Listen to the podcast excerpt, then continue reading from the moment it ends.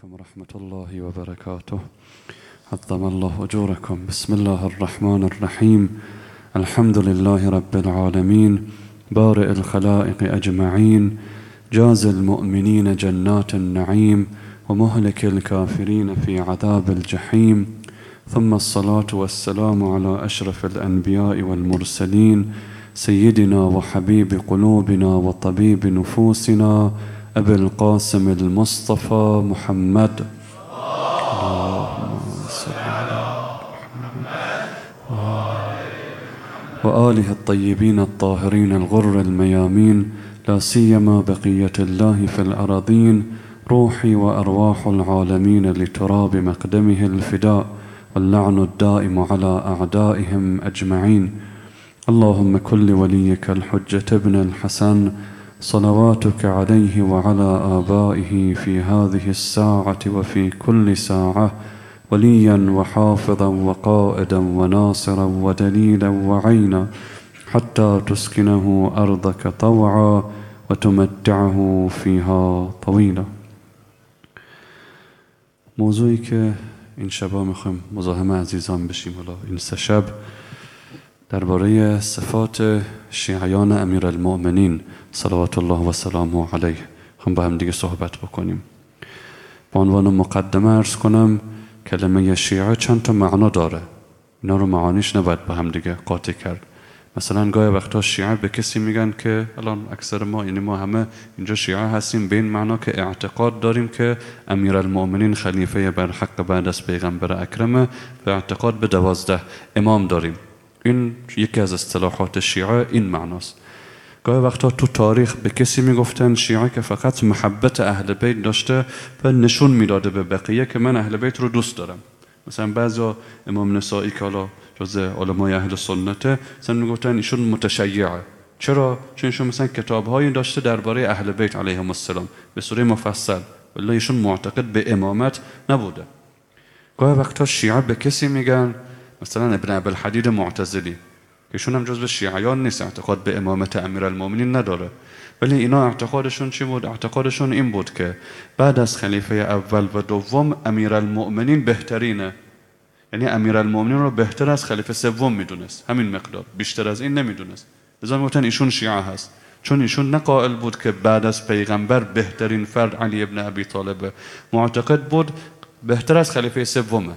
از این جهت ایشون رو به شیعه می‌گفتن. اما اصطلاحی که ما الان می‌خوام با هم دیگه صحبت کنیم وقتی میگیم صفات شیعه می‌خوام از شیعه که وقتی اهل بیت می‌گفتن فلانی شیعه ما هست این صفات داره روز قیامت ما از اونا شفاعت می‌کنیم مثل روایتی که میفرماد چرا حضرت زهرا سمیت فاطمه لانها فطمت شیعتها من النار؟ اینا منظور از شیعه کیه تو روایات؟ وقتی میفرماد و شیعتو که علا منابر من نور اینا منظور کی هستن تو روایات؟ شامل چه افرادی میشه؟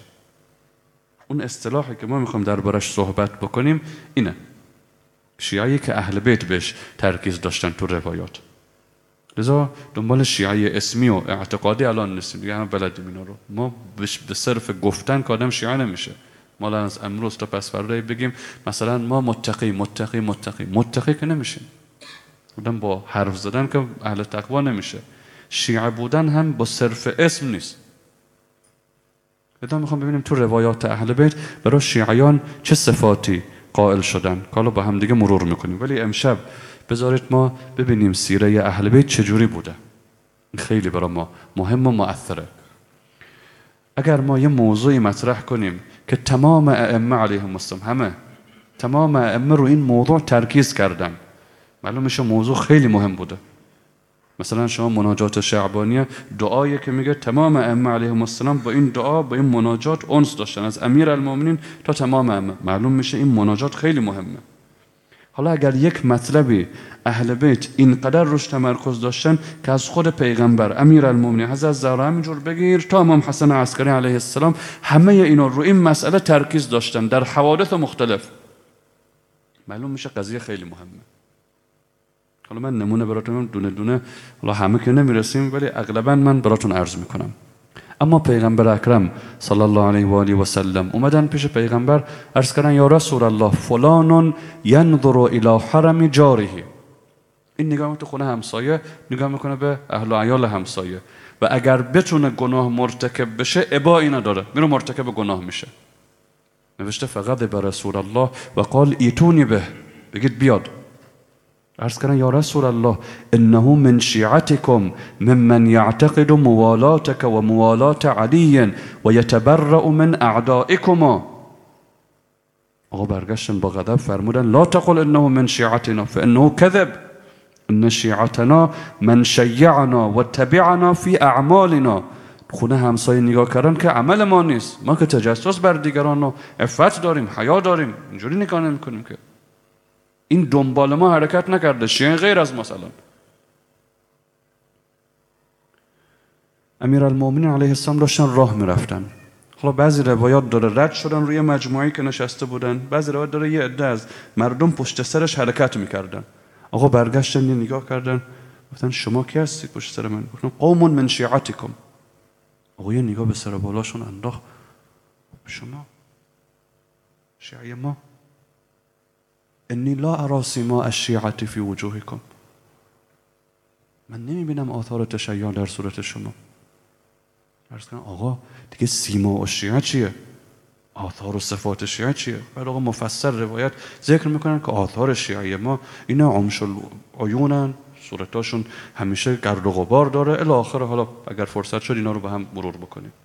توضیح دادم براشون اما صدیقه کبرا حضرت زهرا سلام الله علیها. شخصی خانمش فرستاد برای از زهرا برو از فاطمه این سوال بکن. فسألیها عنی انا من شیعتکم؟ من جزو شیعیان شما هستم یا نه؟ این خانم اومد پیش از زهرا حضرت زهرا یه جواب داره محکم. ان كنت تعمل بما امرناك وتنتهي عما زجرناك فانت من شيعتنا والا فلا. برگشت. اینجوری فاطمه فرموده سلام الله علیها. شروع کرد گریه کردن. اگه من شیعه اینو نباشم کسی که شیعه اینو نباشه مخلد در عذاب میشه روز قیامت. بدبخت شدم بیچاره شدم. چیکار کنم؟ این خانم برگشت پیش از زهرا. بیبی جان این جواب من گفتم شوهرم ازش خرابه. بعد از زهرا فرمودن لیسه ها کدا اینجوری نیست قضیه. کسی که شیعه ما باشه باید کاملا تابع ما باشه. این شوهر تو اگر اینجوری نیست شیعه ما نیست. ولکن و هم مع ذلك فی الجنه اما ما اینا بهشون میگیم محبینا و موالینا. اینا ما رو دوست دارن محب ما هستن. موالی ما هستن ولایت ما قبول کردن. اما شیعه ما نیستن اینا. اینا بهشتم میرن.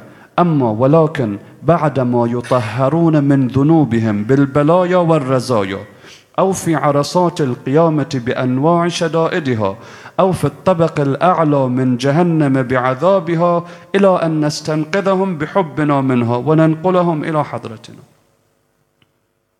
آخر نجاتشون میدیم. اما گرفتار میشن. حالا این گرفتاری چقدر طول می‌کشه؟ آخر بحث عرض می‌کنم.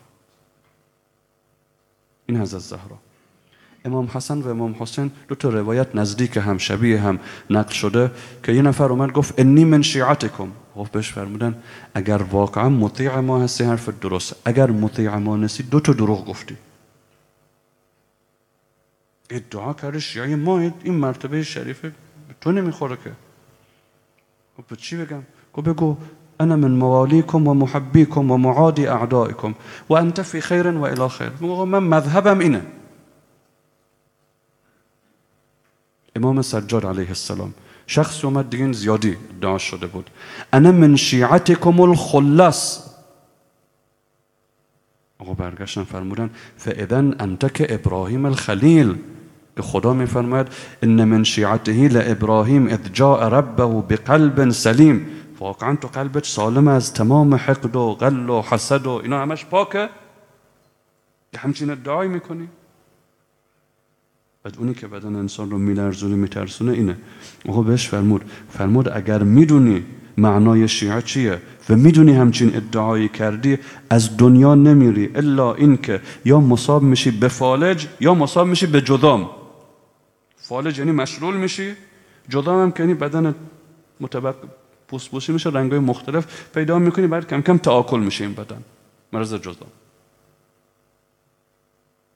چرا؟ چون یه ادعای بزرگی کردی. چرا همچین ادعا کردی؟ من شیعه خالص شما میشه میگه مفته.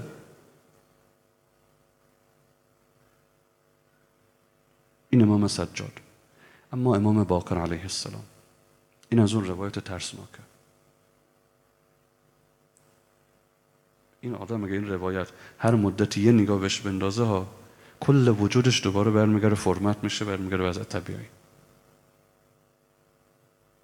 آقای امام باقر علیه السلام به جابر میفرماید. یا جابر ایکتفی من اتخذ التشیع ان یقول بحبنا اهل البیت؟ همین با حرف مگه؟ بعد آقا شروع کردن توضیح دادن مفصل صفات شیعه. تا جابر گفت آقا ما یه نفر اینجوری نداریم که شما دارید میفرمایید. بعد آقا ادامه میده. میفرماید شیعیان ما کسانی که این صفات دارن. اگر کسی این صفات نداره با صرف گفتن من محبت علی ابن ابی طالب دارم کفایت نمی‌کنه. مگه پیغمبر از علی ابن ابی طالب بالاتر نیست. اگر کسی بگه من محب پیغمبر اکرمم این کفایت می‌کنه روز قیامت براش؟ یا میگن عملت چی؟ خب اگر محبت رسول الله که بالاتر از علی ابن ابی طالب علیه السلام هست باید با عمل باشه با صرف ادعا نیست. پس محبت علی ابن ابی طالب با صرف ادعا هست. بعد آقا میفرماد لیس بین الله و بین احد قرابه. خدا با کسی پارتی بازی و واسطه و فامیل بازی نداره. ما معنا براعت من النار. جمله ترسناکش این قسمت آخره. آقا فرمود من کان لله مطیعا فهو لنا ولی و من کان لله عاصیا چیه بعدش؟ بگید. و من کان لله عاصیا چی؟ بعد می‌گفت لیس لنا بولی. میفرم فهو لنا عدو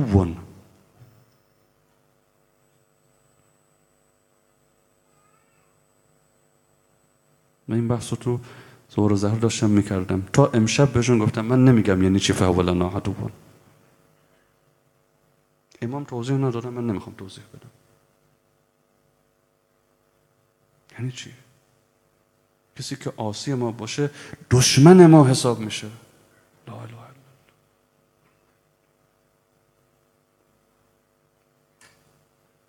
این امام باقر. ببینید ائمه دونه دونه دارم عرض می‌کنم. معصومین دونه دونه روی این مسئله ترکیز داشتن.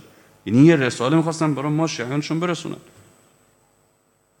ما که میگیم ابتدای تشیع ما از زمان پیغمبر که مطرح شد اولین امتحان سقیفه بود. ما شدیم شیعه اونا شدن اون طرف. خب باید بدونیم ما این شیعه که میگیم ما شیعه شدیم یعنی چی؟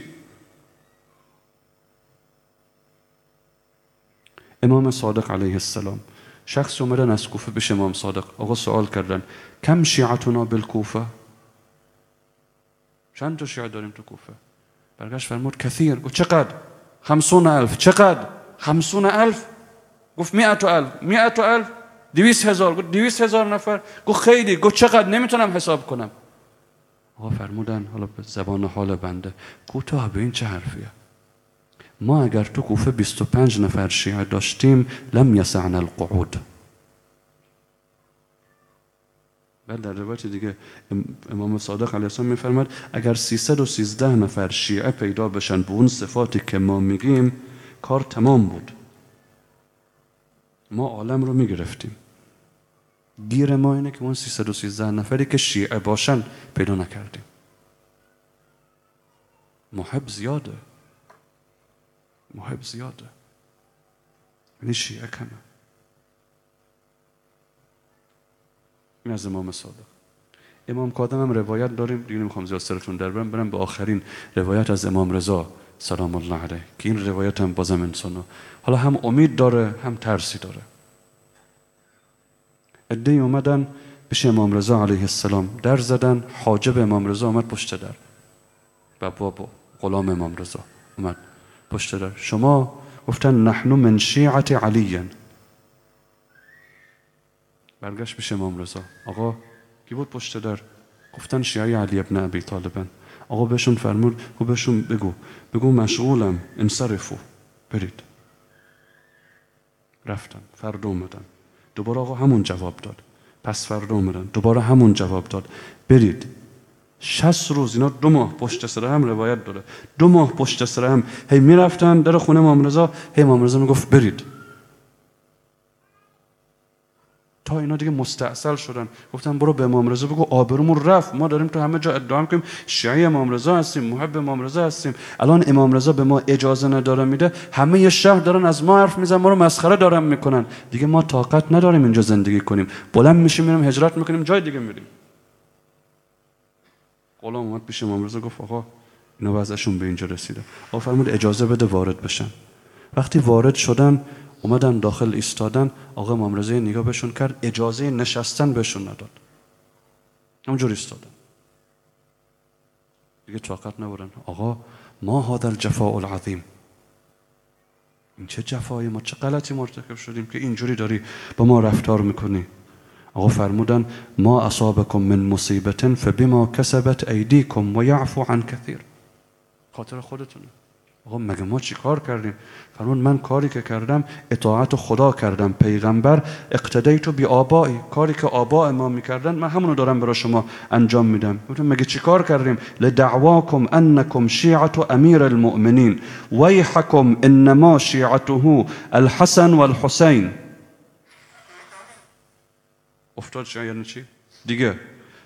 سلمان و المقداد و ابو ذر و عمار و محمد ابن ابی بکر اینا کسانی بودن که شیعه هستن که واجباتی که ما می‌گفتیم عمل می‌کردن حقوق اخوان و برادران مؤمنشون ادا می‌کردن تقیه می‌کردن در جایی که ما می‌گفتیم. جایی که نمی‌گفتیم تقیه نمی‌کردن. کاملا تابع ما بودن. اینا شیعه هستن که ما بهشون میگیم. ولو قلتم انکم موالوه و محبوه. می‌گفتید آقا ما مالی اهل بیت هستیم محبین اهل بیت هستیم. حالا اگر توبه نکنید هلکتم الا ان تتدارککم رحمت من ربکم. آقا غلط کردیم توبه می‌کنیم. همین لحظه که توبه کردن امام رضا برگشت به حاجبش فرمود کم مرتن حجبتهم. چند بار این آمدن در خونه من؟ گفت شست بار اومدن در خونهش. گفت الان من دستور میدم. اینا برمیگردن خونه هاشون. تا از طرف من. شست روز متواصل. میری در خونهشون. در می‌زنی. میگی امام رضا به شما سلام رسوند. نگاه می‌کنی زن و بچهشون چه احتیاج دارن؟ هر چی احتیاج دارن پول و هدیه و اینا بهشون بده. از دلشون در بیار. چون ادعا کردن شیعه ما هستن. نباید همچین ادعا. حالا که توبه کردن خوبه.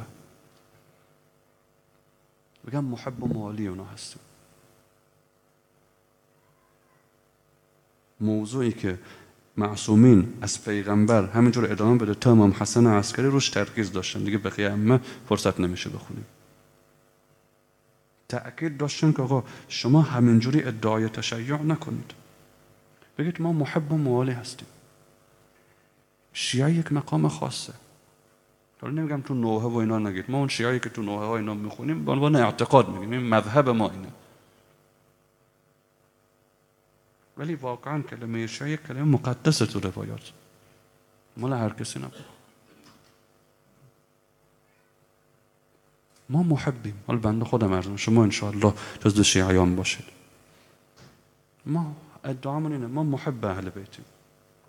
موالی اهل بیتیم. موال لاولیائکم شما تو زیارات کمتر پیدا می‌کنی. یه جا بگی من از شیعیان شما هستم. ادعای من موالی شما هستم. موال لاولیائکم معاد لاعدائکم اینجور آدم صحبت می‌کنه.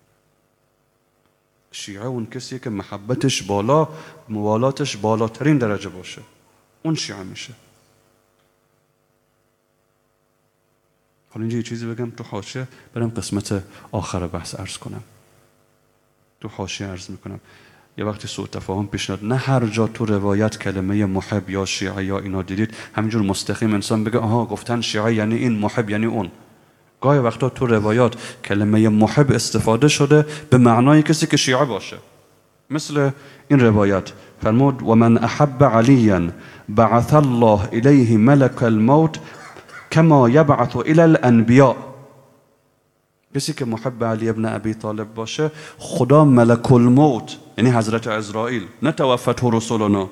ملک الموت خودش حضرت اسرائیل تشریف میارن قبض روح ام می‌کنن. همون جوری که قبض روح انبیا می‌کنن. این مال هر محبه؟ نه. این مال محبیه که به مرتبه تشیع رسیده. بعد نوشته تا ادامه روایت مرد تمام هشت در بهش براش باز می‌کنن. میگن از هر دری دوست داری برو وارد شو. این مال هر محبی نیست. ما که جا خودمون آقا بفرما شما جات اینجا دی بالاتر از اون که ما نیستیم. بنده خودم رو عرض می‌کنم. اون شیعه هست که به بالاترین درجه رسیده میگن آقا از هر کدوم از این درا دوست داری وارد بشی وارد شو. سوال. چرا اهل بیت اینقدر اصرار داشتن که بین شیعه و محب و موالی فرق قائل بشن؟ خواستن ما رو اذیت کنن.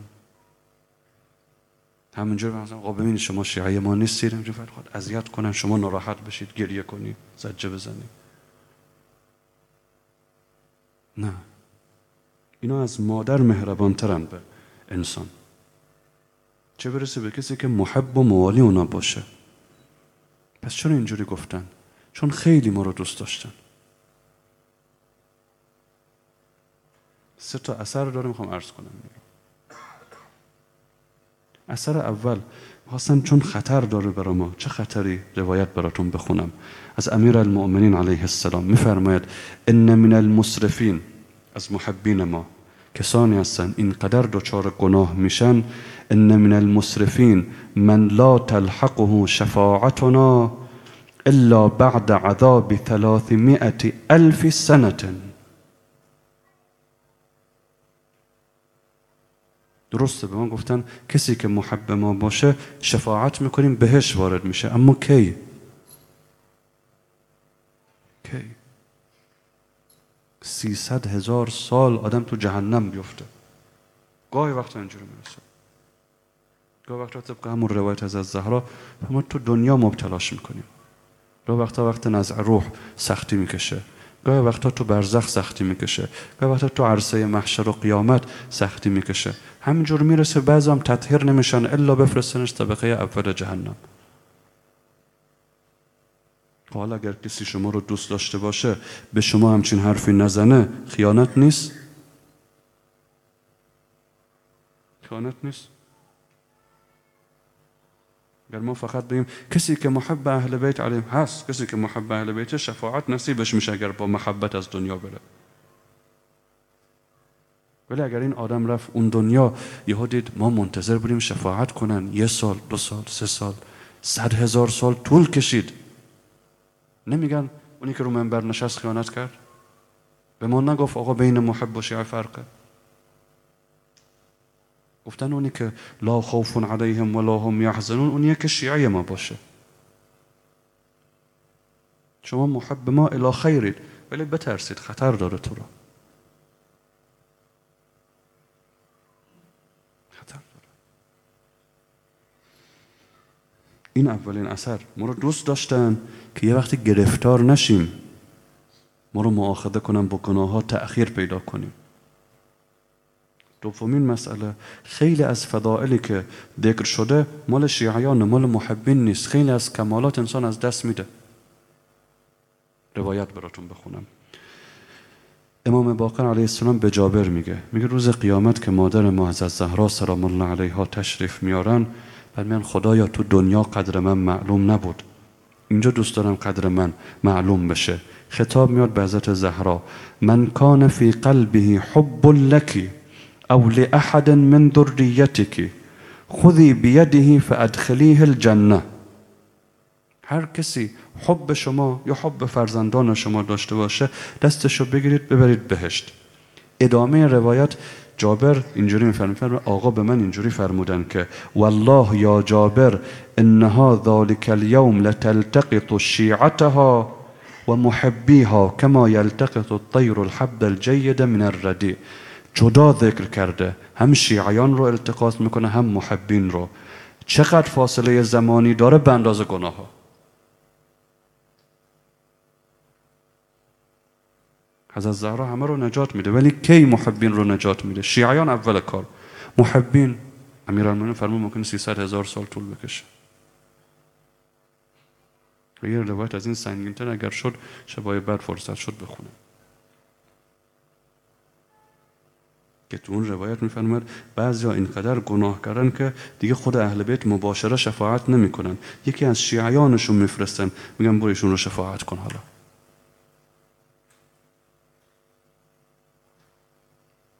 این همش روایاته. فرق داره روز قیامت. بعد ادامه روایت اینه. تا می‌رسن فاذا صار شیعتها معها عند باب الجنه دیگه نمیفرمد محبین. هر وقتی شیعیان رسیدن دم در بهش خدا به قلب اونا القا می‌کنه. اینا هم برمیگردن. میگن ما هم مثل فاطمه زهرا قدرمون تو دنیا معلوم نبود. ما تو دنیا مظلوم بودیم. ما هم دوست داریم قدر ما معلوم بشه. خطاب به این شیعیان میشه که برید شفاعت کنید. انظروا من سقاکم لحب فاطمه. انظروا من کساکم لحب فاطمه. انظروا من دفع عنكم غیبتا لحب فاطمه. این شفاعت کردن مال شیعیانه که بقیه محبین رو شفاعت می‌کنن. مال هر محبی نیست. خب دوستمون ندارن که دارن به ما میگن حواستون باشه بین محب و شیعه فاصله هست. شما سعی کنید از این محبت حرکت کنید بشید شیعه ما واقعا. خیلی دوستمون داشتم که گفتم بله گاهی وقتا طبیب یه ذره باید به حسب ظاهر بیرحم باشه چاقو بگیره جراحت بدن انسان رو پاره کنه یه جا برای علاج این انسان. این رحمتشون با حکمتشون یکیه. دو اثر عرض کردم. کسانی که شیعه باشن با محب دو تا فرقی که دارن اینه. محبین ممکنه دوچار گناه ها بشن شفاعت به تأخیر بیفته. دو ممکنه از بعضی از فضائل و کمالاتی که برای شیعیان ذکر شده محروم باشن که یه دونش عرض کردم شفاعت. شیخ صدوق دو تا کتاب داره که صفات و شیعه که فضائل شیعه جدا از هم. میگه این فضائل و شیعه که گفتم صفاتشون تو اون کتاب نوشتم اما اثر سوم برای شما که اومدید فاطمیه گریه کنید. برای شما که پر روزه ها به آدم زجه می‌زنه. خدایا چرا بخونی از از زهرا آتش زدن؟ چرا امام حسین و کربلا کشتن؟ چرا محراب امیر المؤمنین با شمشیر به فرقش زدن؟ جوابش تو دانود می‌خونیم. الا القلیل ممن وفا لرعایت الحق فیهم فقتل من قتل. جوابش اینه. چون اونایی که محب ما بودن و اهل وفا بودن یعنی شیعیان ما کم بودن.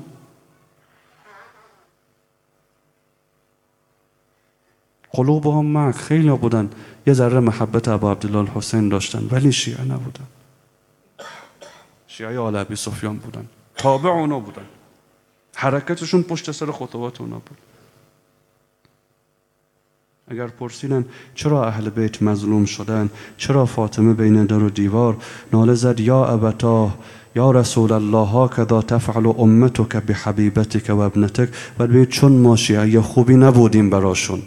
امروز چرا امام زمان غریب ظهور نمی‌کنه؟ چون میگه شما خوبید ولی اونقدر خوبی که ما بتونیم به شما اعتماد کنیم نیستید.